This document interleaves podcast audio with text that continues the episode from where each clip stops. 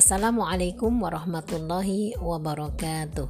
Bertemu lagi dengan saya Anita Rahman dalam segmen ideologis di mana kita akan saling berbagi tentang segala sesuatu yang dibahas dari sudut pandang ideologi Islam. E, dalam kehidupan sehari-hari pernah nggak sih menemukan e, orang atau mungkin percakapan seperti ngapain sih susah-susah ngurusin orang lain? Urus aja dirimu sendiri. Perbaiki saja akhlakmu. Ngapain sih repot-repot memperbaiki uh, akhlak orang lain? Itu kan privacy dan sejenisnya. Uh, sebenarnya sedih ya saat mendengar masih ada saudara kita yang mengeluarkan pernyataan seperti itu karena sesungguhnya sebagai seorang muslim tidak ada lo lu gue gue. Lu itu juga gue gue itu juga lu karena di dalam Islam eh, sesama muslim itu adalah saudara satu tubuh. Saat eh, bagian tubuh yang lain terluka maka sakit itu akan dirasakan oleh seluruh tubuh. Jadi peduli dengan eh, apa namanya kaum muslimin itu adalah salah satu uh, ajaran di dalam Islam. Kita harus peduli dengan orang lain. Bukan berarti justru malah disebut mencampuri urusan orang lain. Ada seruan uh, apa namanya di di dalamnya, seruan mengajak kepada kebaikan, kemudian mencegah uh, saudara kita itu melakukan kemungkaran. Itulah yang namanya aktivitas dakwah. Selama ini mungkin sebagian dari kita masih menganggap bahwa dakwah itu adalah tugas ustadz, tugas ulama, tugas dai yang sudah terkenal, yang sudah besar namanya. Padahal di dalam Al-Qur'an tidak ada yang menyebutkan uh, seperti itu. Kewajiban dakwah itu dibebankan kepada setiap laki-laki dan perempuan muslim. Ya, sama kita muslim ya maka kewajiban itu ada di dalam uh, di atas pundak kita sebagaimana Rasulullah bersabda sampaikanlah dari kual hanya satu ayat. Jadi saat kita sudah tahu tentang satu ayat, ya sampaikan apa yang kita tahu. Kemudian jangan uh, terus jangan berhenti untuk terus menambah ilmu, untuk terus menambah amunisi. Selain untuk pedoman kita dalam bertindak sehari-hari ya yang otomatis butuh ilmu, juga sebagai amunisi untuk kemudian kita sampaikan kembali kepada yang lain. Eh, Allah berfirman dalam eh, Quran surat Ali Imran ayat 104 eh, yang artinya hendaklah ada di antara kalian segolongan umat atau kelompok yang mengajak pada kebajikan atau Islam dan melakukan amar ma'ruf nahi mungkar. Mereka itulah orang-orang yang beruntung. Nah, siapa sih yang gak pengen jadi orang beruntung? Kita selama ini di dunia uh, sebenarnya dikit-dikit mikirnya untung rugi. Nah, padahal Allah sudah menjelaskan kalau kalau mau menjadi orang yang beruntung, ya jadilah bagian dari mereka yang uh, berjuang di jalan dakwah itu untung dunia dan akhirat insya Allah. Karena Allah yang menjanjikan Allah yang memberikan uh, jaminan. Kalau untung rugi ala uh, ala ala logika manusia bisa jadi hanya di dunia saja kita untung tapi walau alam di akhirat. Apakah kita akan mendapatkan keuntungan yang sama karena apa? Karena Islam itu adalah agama yang sangat memperhatikan hubungan manusia dengan manusia yang lain.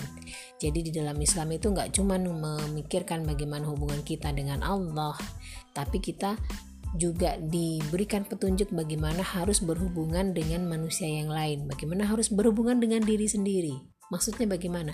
Bagaimana kita berakhlak, bagaimana kita beradab, itu kan hubungan dengan diri kita ya. Bagaimana tentang sikap jujur, tentang sikap amanah, itu kan urusan pribadi maksudnya uh, deng urusan dengan diri diri sendiri ya, dengan ego gitu. Nah, sementara hubungan dengan Tuhan ya, dengan Allah adalah dalam bentuk ibadah ritual. Sementara ada dengan dengan uh, manusia dengan manusia yang lain itu banyak sekali interaksi atau aktivitas muamalah yang kita lakukan. Itu semuanya ada diatur di dalam uh, Islam dan semuanya akan bernilai ibadah saat kita lakukan semua itu uh, ikhlas karena Allah dan caranya sesuai dengan yang dicontohkan uh, dicontohkan oleh Rasulullah Shallallahu Alaihi Wasallam. Jadi 24 jam waktu kita itu akan bernilai ibadah ibadah nggak sebatas sholat lima waktu yang mungkin rata-rata kita sholat 5 sampai 10 menit kali 5 belum uh, mungkin ditambah oke okay lah mungkin ditambah baca Quran. Berapa lama sih kita betah baca Quran?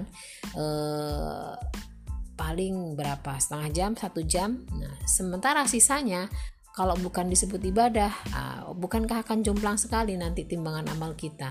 24 jam hanya sekian persen yang lebih sedikit yang kita gunakan untuk ibadah. Itu juga belum tentu ibadah kita benar, belum tentu uh, ibadah kita diterima. Nah, makanya jadikanlah 24 jam waktu kita, uh, waktu kita itu semuanya ibadah. Dengan cara apa? Dengan mengetahui ilmunya. Oh, bagaimana tidur kita biar jadi ibadah?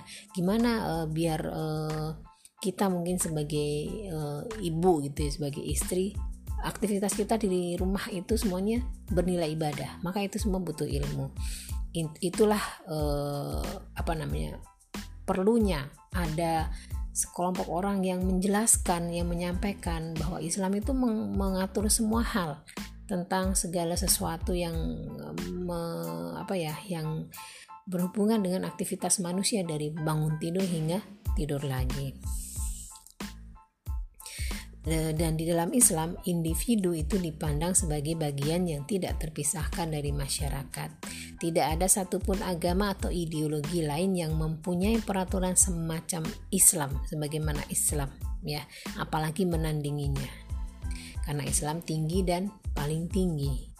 Rasulullah Shallallahu Alaihi Wasallam telah menjelaskan hubungan individu dengan masyarakat itu melalui sebuah hadis ya uh, yang artinya perumpamaan orang yang menjaga dan menerapkan batas atau peraturan Allah adalah laksana sekelompok penumpang kapal yang mengundi tempat duduk mereka. Sebagian mereka mendapat tempat di bagian atas dan sebagian lain di bagian bawah. Jika mereka yang ada di bagian atas membutuhkan air, mereka harus berjalan melewati bagian atas, uh, di bagian bawah ya. Jika mereka yang di bagian bawah membutuhkan air, mereka harus berjalan melewati bagian atas kapal. Mereka berujar, Bagaimana jika kami melubangi saja bagian bawah kapal ini untuk mendapatkan air, sehingga kami tidak perlu lagi sampai mengganggu orang yang berada di bagian atas? Jika kalian membiarkan mereka berbuat menuruti keinginan mereka, maka binasahlah mereka dan seluruh penumpang kapal itu. Namun, jika kalian mencegah, selamatlah mereka dan seluruh penumpang yang lain. Hadis riwayat Al-Bukhari.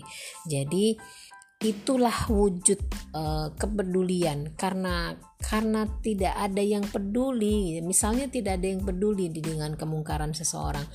Bukan uh, belum tidak hanya orang yang si pelaku kemungkaran itu tadi yang kemudian mendapatkan mendapatkan apa namanya uh, kerugian. Tapi seluruh orang yang tidak melakukan kemungkaran juga akan mengalami kerugian Begitu juga sebaliknya, saat ada yang kemudian peduli dengan orang yang ingin berbuat mungkar, kemudian berusaha untuk dicegah, maka keselamatan itu akan didapatkan oleh si pelaku kemungkaran dan bahkan orang-orang di sekitarnya. Itulah eh, apa namanya indahnya dakwah, itulah fungsinya dakwah di dalam Islam, mengajak kebaik, eh, kepada kebaikan dan mencegah orang untuk berbuat yang mungkar. Nabi Shallallahu Alaihi Wasallam juga menjelaskan bagaimana e, keterpaduan individu dan masyarakat. Jadi individu itu berbuat untuk kemaslahatan masyarakat dan masyarakat masyarakat berbuat untuk menjaga individu. Semuanya saling ya saling e, e, membutuhkan dan saling melengkapi. Jadi sebuah kesatuan yang kuat gitu ya. Rasulullah bersabda, perumpamaan orang-orang muslim dalam hal kasih sayang dan tolong-menolong yang terjalin antara mereka adalah laksana satu tubuh. Jika satu e, bagian merasakan sakit, maka seluruh bagian tubuh akan bereaksi dengan tidak tidur dan demam. Ha, e, hadis riwayat Muslim. Jadi nggak ada istilah lulu gua-gua. E, ngapain ngurusin e, ibadah orang lain itu kan hak mereka. Yang penting aku baik yang penting aku rajin sholat yang penting aku ngaji yang penting aku tidak melanggar peraturan. Tapi gak pernah mau peduli kalau tetangga kita teman kita saudara kita atau mungkin uh, siapa pun yang kita lihat gitu berbuat kemungkaran karena merasa bukan urusan kita gitu ya. Jadi kita abai. Nah ternyata uh, saat ada kemungkaran kemudian semuanya diam maka kerugian itu akan menimpa seluruhnya tidak hanya pada si pelaku kemungkaran itu oleh karena itulah Islam mewajibkan setiap pemeluknya untuk bertanggung jawab terhadap saudaranya dan segenap umat manusia pada setiap waktu dan keadaan. Sama sekali tidak ada tempat bagi orang yang egois atau individualis di dalam Islam.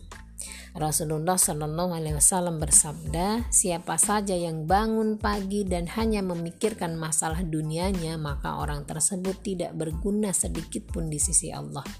Siapa yang tidak memperhatikan urusan kaum muslim maka ia tidak termasuk golongan mereka. Uh, ya, golonganku. Hadis riwayat atau berani dari Abu Dhar al-Ghifari. Masya Allah. Ya, jadi itu Islam indah dan memuliakan. Tidak ada individu yang sendiri, semuanya satu, semuanya utuh, semuanya adalah keluarga, semuanya adalah uh, satu kesatuan yang harus saling menguatkan, saling melengkapi, saling mendukung, saling menjaga, saling melindungi. Maka kenapa hari ini dakwah Islam itu begitu uh, berat tantangannya karena musuh-musuh Islam itu tahu potensi persatuan umat Islam itu tidak akan terkalahkan. Saat umat Islam bersatu maka uh, tidak ada yang bisa melampaui kekuatannya dan ini adalah kekuatannya yang hak karena apa? Karena berdasarkan keyakinan atas atas uh, Allah Subhanahu wa taala. Tapi sekeras apa pun makar-makar mereka, maka kita yakin bahwa janji Allah tidak akan pernah uh, tidak akan pernah luput ya bahwa Allah akan memenangkan kembali Islam di akhir zaman. Bedanya adalah ada di manakah posisi kita? Apakah kita termasuk uh, orang yang mengambil peran untuk berada di bagian uh, kelompok yang berjuang tadi ataukah justru yang ada di bagian elu lu gua gua? Ini bukan urusan kita itu urusan masing-masing. Yang penting aku baik. Itu adalah pilihan dan pilihan kita lah yang kemudian akan dipertanggungjawabkan ke di hadapan Allah. Sudah siapkah kita dengan hujah atau uh, balasan uh, jawaban jika nanti Allah bertanya kenapa kamu diam? Kenapa kamu hanya memikirkan diri sendiri? Kenapa kamu tidak uh, tidak punya rasa peduli? Kamu kemanakan maksudnya ayat-ayat yang sudah diturunkan gitu ya untuk memberikan kamu petunjuk harusnya seperti apa. Maka pastikan kita punya jawaban atas semua itu. Karena tidak ada yang luput dari penjaga penglihatan Allah dan tidak akan pernah ada yang luput dari pengadilan Allah. Mungkin itu dari saya. Semoga ada yang bisa kita ambil uh, pelajaran uh, khususnya untuk saya pribadi tidak ada alasan untuk tidak ikut dalam barisan dakwah karena dakwah adalah aktivitas yang mulia sebaik-baik perkataan. Uh, jadilah pejuang dakwah uh, yang benar-benar melakukan aktivitasnya ikhlas karena Allah dan berharap, uh, berharap ridho Allah dengan cara yang sudah Allah tentukan pula. Eh, mohon maaf lahir batin. Bila taufiq wal hidayah. Wassalamualaikum warahmatullahi wabarakatuh